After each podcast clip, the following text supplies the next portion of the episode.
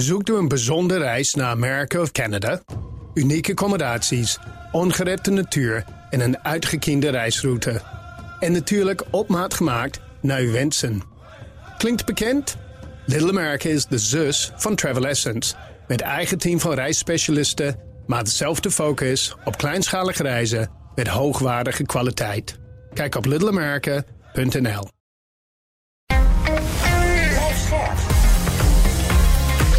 BNR Nieuwsradio. The Big Five.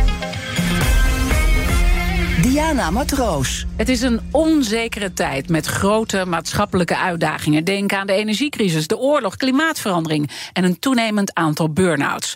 En tegelijkertijd is een crisis ook juist een goed moment voor groei en kansen. En hoe pak je dus regie in crisistijd en hoe zorg je voor mentale veerkracht? In BNR's Big Five van het positief denken ga ik dat vragen aan vijf top-experts en ook vragen hoe we anders met tegenslag kunnen omgaan. Vandaag doe ik dat met Elke Gerard. Zij is dokter in de psychologie met een achtergrond in de neuropsychologie. Schrijver van het boek De Mentale Reset. Trouwens, heeft nog veel meer boeken uitgebracht, maar dat boek bracht ze uit in coronatijd. En oprichter van Better Minds at Work, een adviesorganisatie die bedrijven helpt het klimaat op de werkvloer te verbeteren.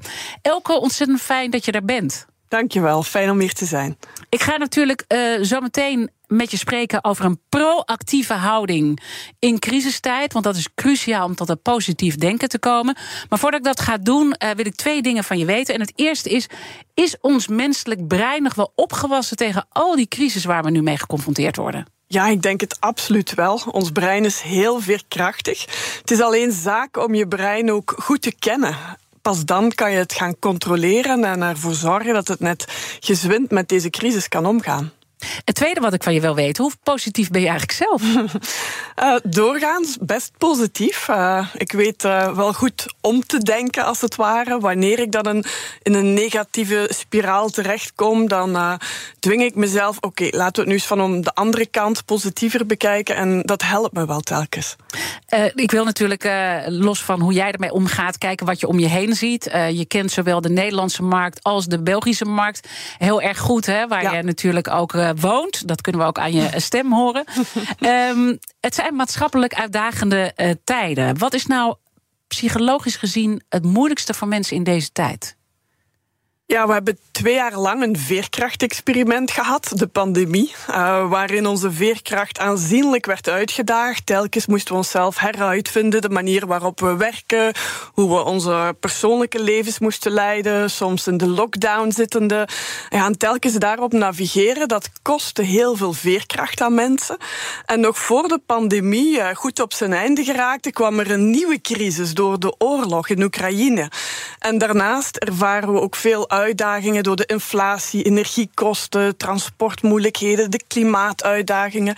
Dus het zorgt ervoor dat bij vele mensen de rek eruit is. De veerkracht lijkt op. En uh, dat zie je ook uh, in uh, cijfers van stress en burn-out, die aanzienlijk gestegen zijn in Nederland en België. Ja, er zijn hele duidelijke cijfers ook inderdaad hier van het Trimbos Instituut. Waar blijkt dat een kwart van de Nederlanders met een een of andere nou ja, psychische stoornis nu te kampen krijgt krijgt. Depressie, uh, angststoornissen, dat verbaast je niet? Nee, verbaast me niet. Uh, ja, we zien het ook vaak rondom ons wanneer we aan het werk zijn in organisaties. Uh, de klachten stapelen zich op en uh, de vraag naar coaching en begeleiding was nog nooit zo groot.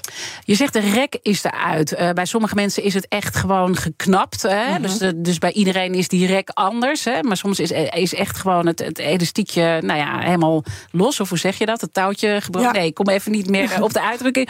Maar maakt niet uit. Um, dat komt omdat er eigenlijk geen pauzes meer zijn in de crisis om te herstellen. Ja, en daarnaast ook. Tijdens de pandemie is er op een bepaald moment zo'n knaldrang ontstaan. Ik weet niet of dat woord hier in Nederland ook nee. werd gebruikt. Nee. Ah ja, in België werd dat woord, ik denk eind 2020, begin 2021, toen we zo de eerste indicaties kregen dat de, de crisis wel eens zou kunnen eindigen, de pandemie. Um, ontstond er een, een knaldrang. Een, uh, een drang om uh, feest te gaan vieren, uit de bol te gaan, uh, naar de zomer toe, wanneer alles weer zou mogen. En ja, dat is nooit echt gebeurd. We zijn nooit met z'n allen massaal ons kunnen ontladen, omdat er een nieuwe crisis ontstond. Dus het is de combinatie van nu weinig pauzes en maar doorgaan. Uh, met ook dat die verwachting van die ontlading er niet echt is gekomen. En dat zorgt bij veel mensen wel voor frictie. Plus ook een hopeloosheid, een uh, stress ook over de financiën, over uh, wat er nu allemaal gebeurt in de maatschappij, het klimaat. Sommige mensen raken hun baan kwijt. Daar sprak ik ja. gisteren ook over met uh, Ben Tichelaar, die mm -hmm. ook veel nou ja, mensen om zich heen ziet die voor de kerst nog even te horen krijgen van joh, het zit erop, want we moeten de aandeelhouders toch nog even tevreden stellen. Mm -hmm. ja. dus het is een hele harde tijd waar mensen ook moeilijk misschien mee kunnen omgaan. Ja, we hebben dat ook niet geleerd om daarmee om te gaan. Um, mijn landgenoot Damiaan de Vis hier in Amsterdam zegt het ook mooi van we zijn in ons leven heel erg verwend geweest. We zijn vertroeteld geweest met luxe, met overvloed. En we hadden het voor een bepaald stuk ook best makkelijk. En zijn dat gaan uh, normaal vinden. En wanneer dan de pandemie komt, waarin je jezelf uh, moet dwingen om uh, je eruit te vinden, en dan nu weer die crisis. Mensen geraken daar zo wat hopeloos van en uh, de kracht is eruit. Dus dat zie je wel duidelijk. En mensen willen dus ook niet verliezen wat ze hadden. Want we hebben een tijd van overvloed gehad. En misschien moeten we dus ook omdenken dat die tijd gewoon geweest is. En ook een nieuw niveau accepteren. Absoluut. Ik zeg ook vaak tegen mensen van kijk terug in het verleden als zijnde dat dat de overvloed was. En dat je daar blij, positief naar terug kan kijken, dat je dat hebt gehad. En ja, dat de volgende jaren misschien een verandering in je lifestyle betekenen. Maar laten we daar ook eh, naar, nuchter naar kijken. In plaats van alleen maar nostalgisch kijken dat uh, die overvloed zo snel mogelijk moet terugkomen. En ik merk ook wel aan mensen om me heen ook een soort dreigend gevoel. Wat zit er nog allemaal aan te komen? Hè? Mm -hmm. um, als je dan uh, kijkt, want deze week gaat natuurlijk over positief uh, denken. Wat, wat doet het met ons denken, zeg maar, meer in diepte? Hè? Want we vinden dit moeilijk om te accepteren, om die overvloed kwijt te raken, de realiteit te omarmen. Wat doet dat met ons denken? Mensen geraken aanzienlijk in de weerstand. Ze willen zich vasthouden aan wat er was. En in deze tijden zie je dat heel veel mensen vooral afwachtend zijn. En daardoor passief geraken. En ons negatieve brein alleen nog maar meer ruimte krijgt om te escaleren naar het, het grote negatieve doemdenken. Um, antropologen noemen deze tijd ook wel liminaliteit. Datgene dat er was, pre-COVID, is er niet meer. Daar gaan we ook nooit meer naar terug kunnen. Maar datgene waar we naar verlangden, is er ook nog niet. En deze tijd kenmerkt zich vooral door chaos en die weerstand. En die weerstand zit hem ook in de manier waarop we denken. En dus ook de manier waarop we gaan handelen. Dus we zijn eigenlijk negatiever geworden in onze gedachten, hoor ik je zeggen, en passiever. Ja, ja, absoluut. Hoe zorgelijk is die cocktail? Dat nou, is... word ik toch negatief, maar goed, ja. moet het eerst benoemen om weer die lijn naar het positieve te vinden. Ja, dat is geen allerbeste cocktail natuurlijk. En uh, het lijkt mij zaak om nu vooral te kijken naar wat kunnen we als individu, uh, maar ook als gezin en als organisatie, als maatschappij doen om deze crisis ook als een opportuniteit te zien. Om te kiezen voor een andere manier van hoe we leven, hoe we werken. Dat we daar onze lessen uit trekken en uh, ja, een, een soort van reset durven maken. Ja, maar zover zijn we dus uh, nog niet. Uh, we zitten in de weerstand. Merk je dat we dat ook uiten naar onze politiek uh, leiders? eigenlijk die combinatie van weerstand, passief zijn en dan kijken naar de ander. Ja, dat is ja. des mens. Uh, we doen dat heel vaak. Uh, het is makkelijker om uh, van op een afstand kritisch te kijken en te oordelen... dan dat je zegt, ja, kom, ik pak zelf de driver's seat... en ik ga er iets positiefs van maken. Hoe zie je dat in België bijvoorbeeld? Dat dat, speelt dat daar net zozeer als hier in Nederland? Ja, dat denk ik zeker wel. Uh, andere accenten natuurlijk, maar uh, ja, mensen houden ervan om te klagen en te zagen. Ik uh, noem het ook wel vaak de Calimero's onder ons. Hè, dat we van altijd het negatieve zien. zoals Calimero zei, ik is klein en de rest is groot en dat is niet eerlijk. Ik, ja, ik denk komt daar, heel duidelijk naar voren. Ja, ik denk daar spontaan vaak aan terug wanneer ik in, in organisaties op de werkvloer kom en mensen klagen van ja, de baas gaat naar rechts terwijl die naar links moet, of de baas gaat naar links terwijl die naar rechts moet, of het is te koud of het is te warm voor deze tijd van het jaar. Het is zo makkelijk om op die negatieve trant voor te gaan, maar mensen hebben te weinig door hoe zeer dat hen ook hun gezondheid uh, beperkt. Zowel mentaal als fysiek. Wanneer wij te lang stresshormonen in ons hebben, is dat negatief voor ons. En dat komt nu een beetje uh, tot uiting. Toch had ik echt even het gevoel, en ik weet niet of, of jij dat ook had, maar in coronatijd leek het toch wel dat we ook wel dat gevoel hadden: er ontstaat iets nieuws. Toen had je toch ook wel een bepaalde positiviteit uh, die toen loskwam. En die is nou, ik denk toch wel heel snel weer weggeëpt. En we zijn gewoon blijven doen misschien wat we al deden. Ja, de pandemie bracht voor ons mentale ruimte. Um, uiteraard zijn er ook heel veel negatieve dingen geassocieerd met uh, de pandemie. Maar als we even focussen op het positieve, dan bracht het voor vele mensen absoluut ruimte. En keken vele mensen van op een afstandje naar dat leven van vroeger. En concludeerden ze dat willen we niet meer. Mm -hmm. Na de pandemie zouden mensen voor wie dat mogelijk was, hybride gaan werken. Omdat ze zich vaak thuis beter kunnen focussen en ze die pendeltijd wel zouden inruilen voor een gezonde wandeling, zoals ze tijdens de lockdown deden of wat quality time met het gezin. En naar kantoor zouden we alleen nog gaan voor de taken die we liever en beter doen wanneer we elkaar een levende lijven zien. Helemaal. Ja. En, en, ook, Diana, die sociale agenda's, die zouden we niet meer volplannen. Want we hadden aan de lijve ondervonden wat een deugd het deed om soms een lege agenda te hebben. Die voornemens waren er allemaal. En als je nu kijkt, we staan weer allemaal met z'n allen in de file, hebben debatten over gaan we naar kantoor of niet, zonder rekening te houden met de lessen van de crisis, van de pandemie. The Big Five. Diana Matroos. Mijn gast is Elke Gerards, dokter in de psychologie en topvrouw van het adviesbureau Better Minds at Work. Ja, we zijn eigenlijk net mensen, hè, wat je net beschrijft. Ja, absoluut. en kuddedieren, vrees ik. Ja, ja, goed. Uh, we gaan natuurlijk nog steeds uh, zo meteen van jou leren hoe we dat kunnen uh, ombuigen naar het positieve en naar het actieve denken, proactief denken, zoals je dat noemt. Maar toch moeten we dan, ja, klinkt misschien negatief, maar toch wel even de problemen nog verder vaststellen. Want eigenlijk zeg je iets anders waar we mee uh, worstelen, wat, wat je nu hebt beschreven, is de, een collectieve breincrisis waar we al langer in uh, vastzitten. Wat bedoel je daarmee?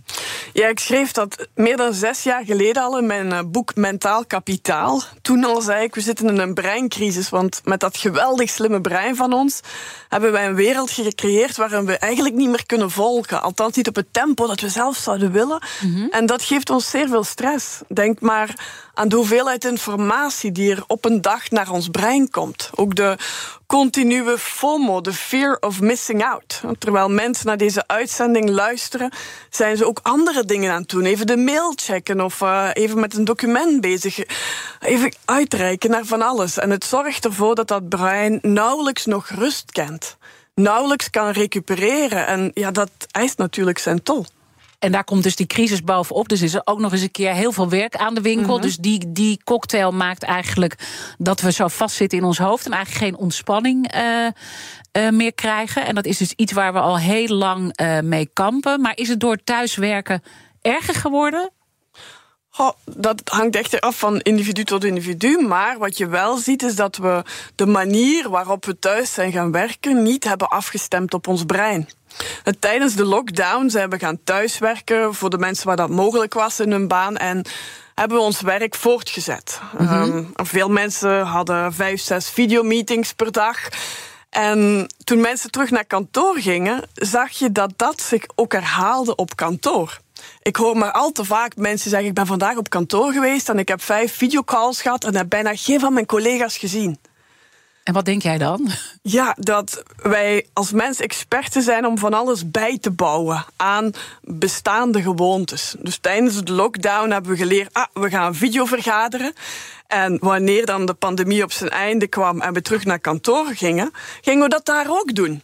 Zonder na te denken, hoe kunnen we nu zo breinvriendelijk mogelijk werken? Bijvoorbeeld, stel je kan je thuis heel goed focussen, dan zou je ook daar de omgeving moeten creëren die focus toelaat. En stel, op kantoor kom je vooral samen om uh, met andere mensen te brainstormen en weer terug echt te verbinden. Dan moet je dat ook organiseren. Maar gek genoeg zie je andere dingen ontstaan. Mensen zijn vaak thuiswerk aan het zien als een goede oplossing om met uh, huishoudelijke uitdagingen om te gaan. Een ziek kind of een nieuwe keuken wordt geïnstalleerd. Dus ironisch genoeg zijn we dat thuiswerk vaak op een manier gaan organiseren die onze focus alleen maar tegenwerkt.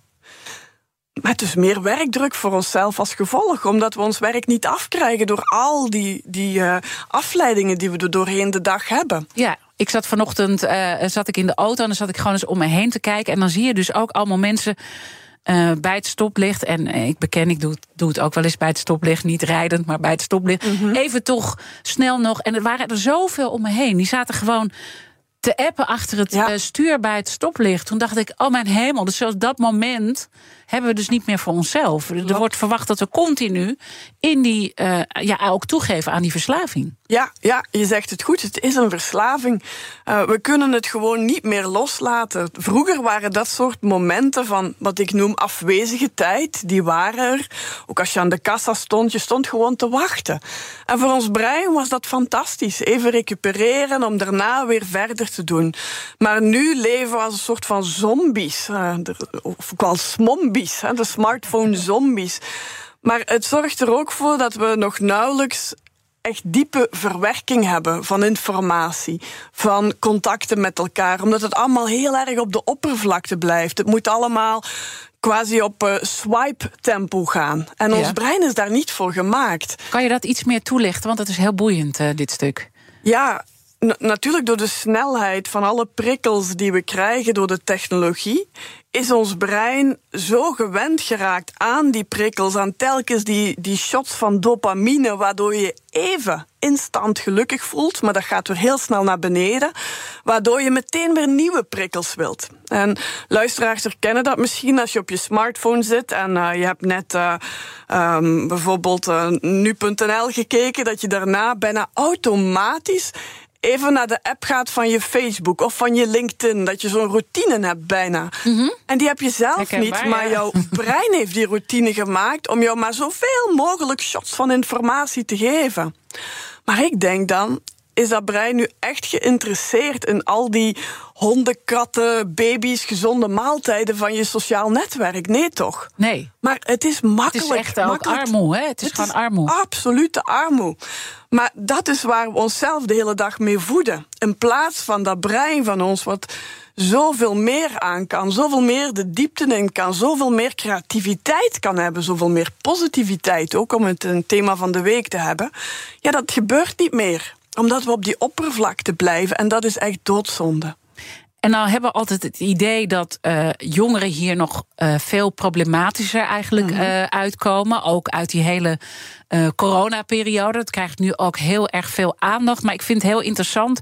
Jij kijkt daar toch iets anders naar. Ja, tijdens de pandemie werd vaak gezegd: de jongeren, dat is de verloren generatie. De generatie die twee jaar lang studievertraging heeft opgelopen, te weinig heeft kunnen experimenteren met de sociale contacten. Wat een verloren generatie wordt dat. En ik ben daar zelf redelijk positief over, aangezien vaak wanneer je op jonge leeftijd iets meemaakt, dat dat je veerkracht net versterkt. Ik ben maar over één generatie echt bezorgd, en dat is de onze dat wij als volwassenen twee jaar lang de kans hebben gehad om te experimenteren met een nieuwe, breinvriendelijkere manier van leven en werken. En vervolgens op automatische piloot zijn teruggevallen in de kwalijke gewoontes van vroeger dat wij de geschiedenisboeken ingaan als de verloren generatie. Want waar ben je dan bang voor met verloren generatie, wat er met ons gaat gebeuren? Omdat we dus niet die periode, die eigenlijk een, nou ja, heel heftig was, maar ook een soort van een cadeau, hè? Ja. Waar we dus niet die reset hebben kunnen pakken. Ja. Wat, hoe gaat dat uitwerken in de toekomst, denk je? Het is een Ja. glazen bol kijken Mhm. natuurlijk, maar waar ben je bang voor?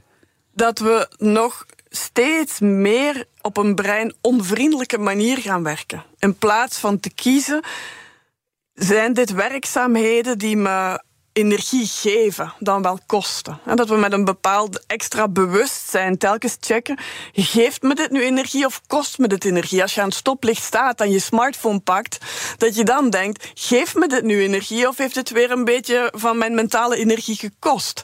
En dat je telkens voor jezelf checkt. Als je op kantoor bent geweest en je hebt nauwelijks contact gehad met je collega's, maar wel de hele tijd naar een scherm gestaard, geeft me dit energie of kost me dit energie? Als je thuis werkt en je, je plant om de hele dag te focussen, maar vervolgens heb je allerlei apparaten die je constant afleiden.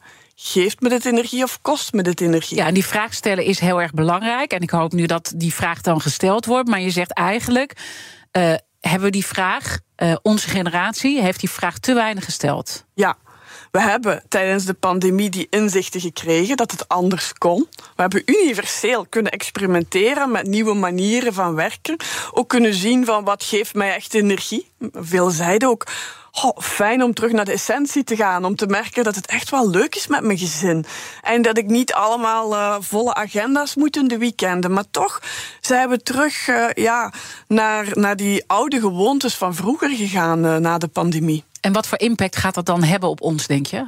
Ja, je ziet het nu al. Cijfers van stress, burn-out nemen toe. Ook de cijfers die je er straks noemde van het Trimbos Instituut zijn zorgelijk. En ik denk dat het zaak is om. Uh, ja, die reset toch alsnog te maken. Dat we bewust gaan kiezen voor ons brein en ook voor het jongere brein. Ga op restaurant en uh, je ziet hoe schrijnend het is. Kijk naar een bushokje waar allerlei mensen samen staan. En je ziet meteen hoe schrijnend het is dat we niet kiezen voor breinvriendelijke manieren van leven.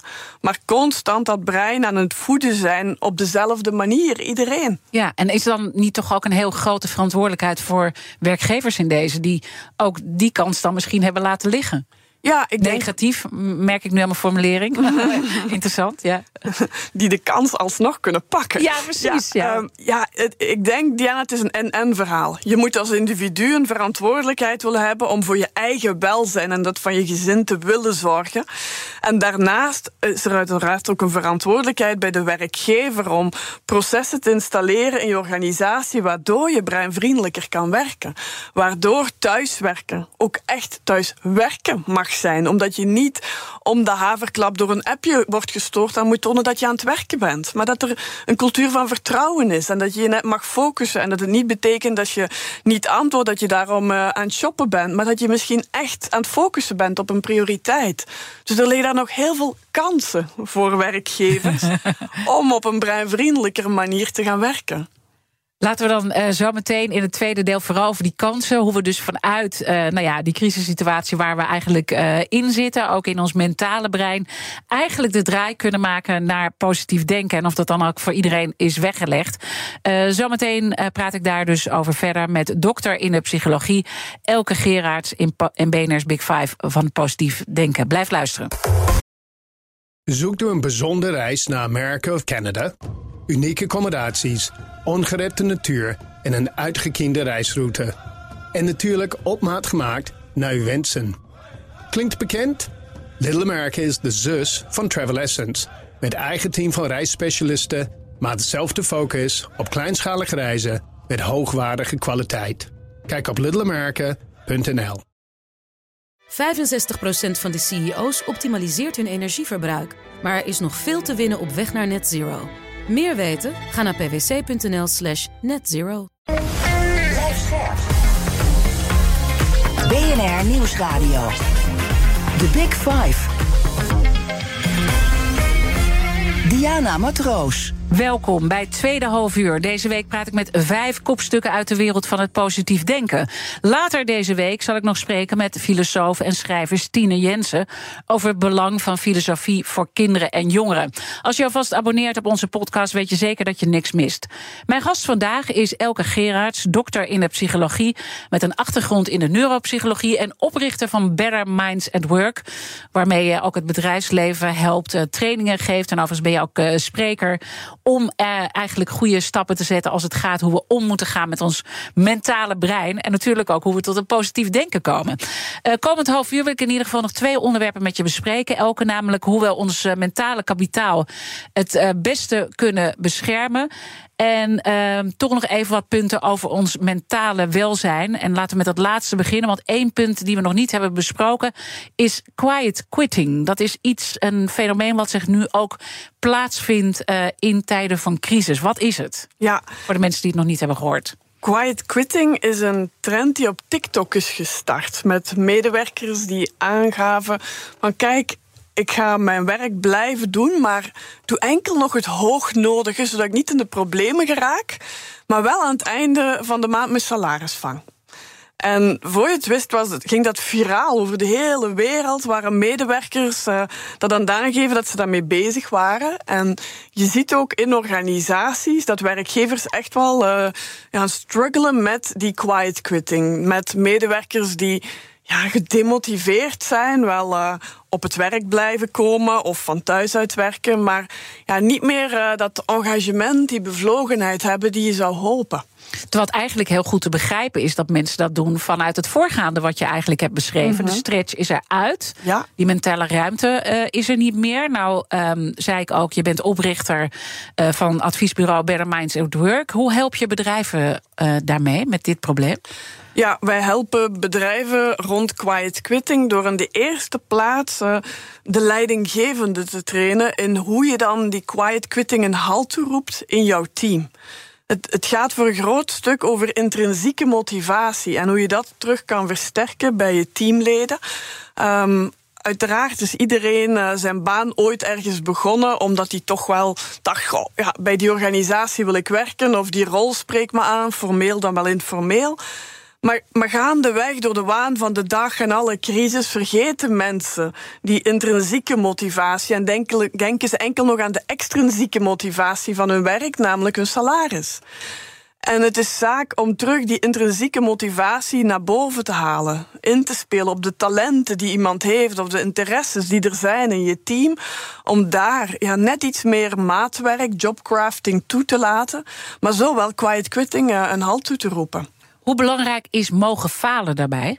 Oh, heel belangrijk. Ja, ja, ja. ja, ja psychologische veiligheid wordt het ook wel genoemd. Uh, een begrip uh, van uh, Harvard Business School professor Amy Edmondson, die veel onderzoek heeft gedaan naar die psychologische veiligheid en concludeerde dat het een cruciaal ingrediënt is om een succesvol team uit te bouwen. Het is een veilig gevoel om je uit te spreken over wat er niet goed gaat, over uh, je zwakheden, over je kwetsbaarheid, maar ook uh, vrijuit durven spreken, ook tegen je leidinggevende zonder gezichtsverlies te vrezen of als incompetent te worden beschouwd. En eigenlijk kan je het simpel samenvatten met try, fail, learn en repeat. Mm -hmm. Er moet ruimte zijn om te mogen proberen, te experimenteren, maar daarbij ook te mogen falen en daarvan te leren. En dat telkens opnieuw.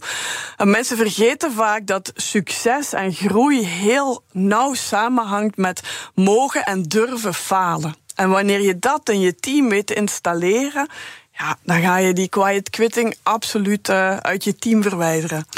En dan zit ik toch van hoe moet je dat dan in de praktijk uh, vormgeven en welke lastige dingen komen daar dan ook uh, bij kijken?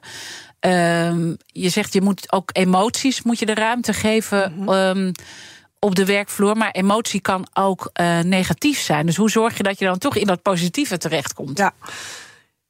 Ja, er mag zeker ruimte zijn om het over emoties te hebben, ook als die negatief zijn. Maar je moet wel samen durven kijken naar oplossingen. Mm -hmm. En de co-creatie daarvan hebben. Maar ik denk ook.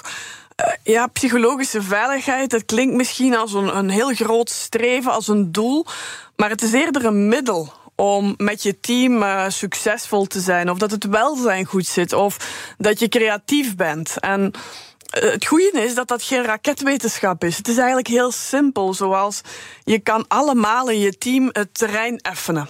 Bijvoorbeeld uh, recent hoorde ik uh, een manager spreken met een uh, medewerker over een succesvol afgerond project. Mm -hmm. En die medewerker was aan het opscheppen over wat er allemaal goed ging. En de manager zei daarop: Ja, uh, dat is allemaal leuk en aardig, daarom heb ik je ook aangenomen en uh, top. Maar kunnen we het ook hebben over wat er fout ging in dat project, zodat we daarvan kunnen leren? Daarmee effende hij al het terrein van laten we het ook hebben over de fouten, niet alleen maar over de successen vieren. Daarnaast ook juist reageren wanneer iemand slecht nieuws brengt de meest gegeven respons wanneer iemand een fout toegeeft, is. Oh, Waarom heb je dat gedaan? Wij willen als mens meteen de reden weten waarom iemand die fout heeft gedaan. Terwijl. Nou ja, dat is ongeveer de basis van uh, ons werk hier. Ja, ja maar, Kijken waarom, waarom gaat iets mis. Ja, maar op de werkvloer, je moet niet denken dat zo'n medewerker nog een tweede keer een fout komt toegeven. Veel makkelijker en beter zou het zijn als je zegt dank je. Je toont waardering, dat die het vertelt, dank je. En hoe kan ik helpen? Je kijkt samen vooruit. Probleem oplossen is een teamsport en niet een individueel gegeven. En daarnaast nog een derde tip is stel de juiste vragen. Mhm. Bijvoorbeeld vragen die in de diepte gaan, die interesse tonen, dat je oprecht geïnteresseerd bent. Bijvoorbeeld het verschil, je zal de nuance voelen als een leidinggevende vraagt: is er iemand hier in het team die een andere mening heeft?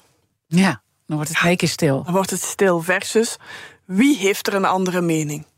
Dan toon je al dat je ervan uitgaat dat het logisch is dat er iemand in het team wel een andere mening heeft. Je gaat daardoor een veel veiliger gevoel creëren om een andere mening te mogen hebben en die te uiten. Dus die psychologische veiligheid is absoluut in elk team eh, redelijk simpel te bewerkstelligen. Maar je moet er wel de aandacht voor creëren. En als je dan heel eerlijk kijkt naar zowel het uh, Nederlands bedrijfsleven, maar ook dat bedrijfsleven in België, waar je natuurlijk ook uh, veel van ziet, ook omdat je daar woont en werkt en hier in Nederland. Wat zie je mhm. dan? Hoe, hoe, hoe, goed of slecht doen we dat? nou ja, er zijn heel veel vragen van organisaties nu van kom met workshops over psychologische veiligheid, want we hebben nog veel te leren. Uh, bijvoorbeeld bedrijven waar een eindresultaat redelijk de perfectie moet benaderen. Daarvan is vaak dacht, ja, falen mag niet. En nu een cultuurverandering creëren dat falen hoort bij leren en bij innoveren. Ja, dat gaat niet van vandaag op morgen. Dus daar is nog wel wat werk. Mhm. uh, maar ik ben daar wel optimistisch over. Want je, je ziet ook dat mensen er echt klaar voor zijn om met dat onderwerp aan de slag te gaan. Een paar jaar geleden, als we het hadden over uh, de wat wolligere thema's, zoals psychologische veiligheid, dan keken mensen nogal sceptisch. Terwijl nu zie ik dat zelfs bij de meest nuchtere medewerker wel van ja ik snap wat je bedoelt. En ik denk, Diana, dat dat ook komt door de pandemie, waar we allemaal wel wat meer onze kwetsbaarheid hebben gevoeld, of die bij anderen hebben gezien. En dat we wel bereid zijn om het daar meer over te hebben dan pre-corona. Dus in die zin is er toch wel een positieve opschuiving. Hè? Dus ja. Want eerst zei je natuurlijk, we hebben een beetje de neiging kop in het zand en we zijn te passief. Maar mhm.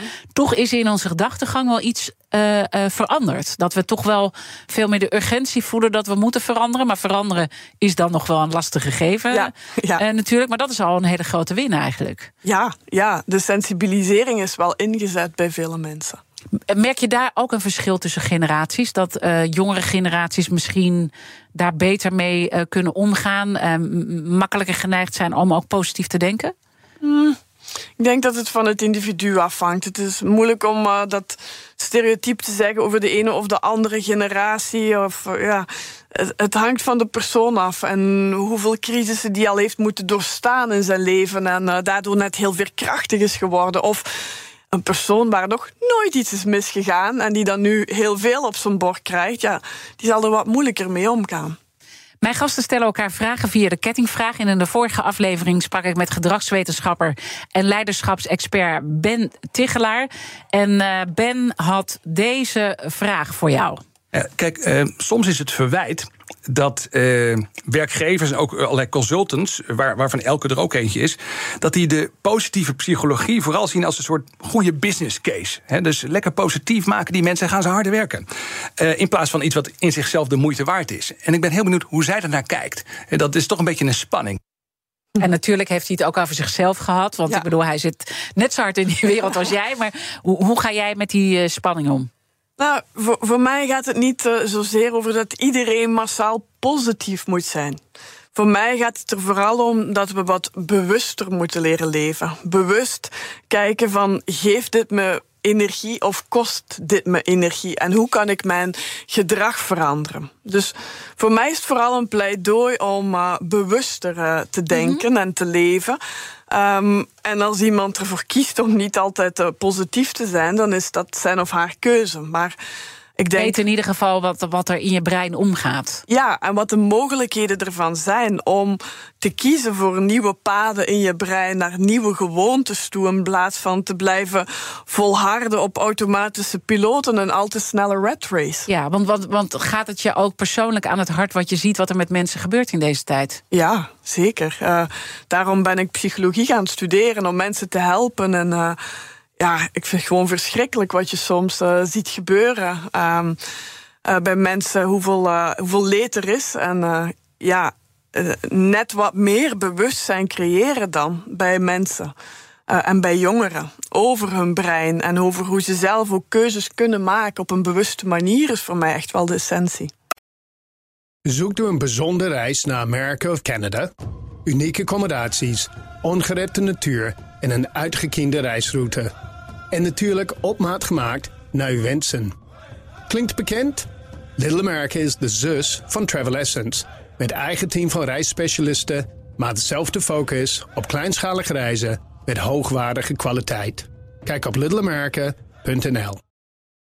65% van de CEO's optimaliseert hun energieverbruik. Maar er is nog veel te winnen op weg naar net zero. Meer weten? Ga naar pwc.nl/slash netzero. BNR Nieuwsradio. The Big Five. Diana Matroos. Je luistert naar BNR's Big Five van het positief denken. Eerder deze week sprak ik met meervoudig wereldkampioen boksen en kickboksen, Lucia Rijker, over het behouden van de mentale regie tijdens een crisis. Dit gesprek is terug te luisteren via bnr.nl en de bekende podcastkanalen. En dan leer je ook een beetje het effect van chanten en uh, mediteren. Lucia ging echt chanten ook op de radio. Prachtig om te horen en vooral ook de impact die het op haar heeft gehad uh, met tal van successen die ze daardoor ook heeft geboekt. Ook als bokser. Je zou bijna niet denken, die combinatie. Mijn gast vandaag is Elke Gerards, dokter in de psychologie en oprichter van Better Minds at Work. Um, hoe belangrijk is mediteren trouwens, of chanten, of, of wat voor manier je ook pakt? Ja, hadden het er straks over bewustzijn en uh, hoe belangrijk het is om je bewust te zijn van je brein. Ja, dat soort technieken helpt natuurlijk. Hoewel sommige mensen zullen zeggen, ja, ik uh, krijg net zenuwen van uh, mediteren. Het is voor iedereen anders, maar zolang je wel met bepaalde technieken bewust omgaat en daar energie van krijgt, ben ik absoluut voorstander. Misschien kunnen we dit slotstuk van de laatste minuten eigenlijk gebruiken om echt nog het individu te helpen. Hè? Want iedereen zit misschien nu te luisteren en denkt: jeetje, ja, ik, ik heb ook wel behoorlijk veel. Uh, spanning, ik zit in het negatieve, ik wil heel graag in het positieve. Je hebt net geschetst wat we op de werkvloer allemaal uh, kunnen realiseren. Maar ieder individu is ook belangrijk om aandacht aan te besteden. En dan misschien eerst even, welke signalen moet je bij jezelf opletten dat je te veel in het negatieve zit en te veel spanning hebt en eigenlijk moet ombuigen naar het positieve? Ja, ik vergelijk het wel eens met een batterij die we hebben, die van een uh, groene fase, waarin we veerkrachtig zijn, via um, andere kleuren naar rood gaat. En daarin de uitputting komt. Wanneer je veerkrachtig bent, gaat alles goed. En heb je zelfvertrouwen, wil je nieuwe uitdagingen aangaan. En dan ontstaat er een, een stressor, waardoor je even wat minder energie hebt, uh, je aan piekeren bent, minder goed kan slapen. En dat is de gele fase, als het ware. En wanneer dat dan nog een tijd verder gaat, kom je in een oranje fase terecht, waar er al meer alarmsignalen zijn, waar je na twee weken pauze ook niet gerecupereerd bent, de problemen blijven voortgaan, je anderen de schuld geeft of veel schuldgevoel ervaart en vooral ook daar gedragsverandering ziet. En als dat dan nog een tijd doorgaat, kom je in de rode fase, de uitputtingsfase, waar niks meer werkt. En als mensen daar een tijd in blijven, ook kunnen uitvallen. En belangrijk is voor jezelf te beseffen, ja, in welke fase zit je, in welke kleur zit je. En ook te beseffen van welke specifiek voor mij uh, signalen horen daarbij. Bijvoorbeeld, ik luister zelf heel graag podcasts. Maar wanneer ik uh, over werk begin te geraken, kan ik in de auto niks luisteren. En ja, moet het stil zijn. geluid te veel. Ja, ja, en dan kan er niks meer wel. bij. Ja. En dat is voor mij een signaal van, oeh, je moet uh, dit weekend uh, wat rust pakken, recupereren en terug energie bijtanken en van daaruit weer verder. En zo heeft iedereen ook zijn eigen individuele signalen waar je ook wederom bewust van moet worden. Dus dat is voor mij een heel belangrijke. Wanneer we die batterij tonen in workshops, dan zie je ook dat mensen daar ja, te weinig bewust mee bezig zijn. Te veel op automatische piloot hebben geleefd. En stress ook als iets normaals zijn gaan accepteren. Nou, vraag aan tien mensen vandaag hoe gaat het met je. En acht van de tien gaat je willen overtuigen dat ze druk hebben. Ja. Want druk is een statussymbool in onze maatschappij. Ik denk dan ja. Het gaat erom dat je ook voldoende recupereert en bewust bent van die signalen. En ook weet wat heeft mijn lichaam en brein nodig nu op dit moment. En dan zeg je ook van het is belangrijk dat je niet op de bijrijdersstoel uh, komt te zitten, maar dat je weer de regie uh, pakt. Dus het begint uh, de regie pakken om te zien waar, waar zit je, in welke fase, wat zijn de signalen waar, waar het niet goed gaat. Maar dan vervolgens moet je verder in die driver's seat komen. Wat, wat, wat, moet, je, wat moet je daarvan doen, mee doen met je brein? Ja, dus in de eerste plaats bewustzijn is cruciaal. Ja. Daar, daar moet je mee starten. Daarnaast een heel belangrijke nu is focus. Focus wordt ook wel het nieuwe IQ genoemd. Je kan nog zo slim zijn als Einstein, maar als je er niet meer in slaagt om je te focussen op je prioriteiten, ja, wat ben je dan met dat hoge IQ? Maar in die wereld van afleiding, waar we het er straks al over hadden, is het echt zaak geworden om terug de focus te pakken op datgene dat er echt toe doet voor jou. En dat vergt ook wel enige inspanning om uh, telkens opnieuw je te corrigeren en te zeggen: oké, ik ga mij focussen op mijn prioriteiten. Dus echt singletasken. Je hebt, uh, ik heb jou ooit bij een conferentie gezien. Mm -hmm. En toen zei je van, probeer dat nou elke dag een uur te doen. Ja. En ik had me echt voorgenomen dat ik dat ging doen. Ja. Nu ik jou weer zie, denk ik, ja, ik moet dat dus doen. Ja. Ik heb het niet gedaan. Ik beken. Ja, uh, het ding is, uh, elk advies dat je krijgt, zou je in de 48 uur erna moeten uitproberen. Want in de volgende 48 uur uh, gaat je brein vertellen dat je te druk hebt om een tip te doen.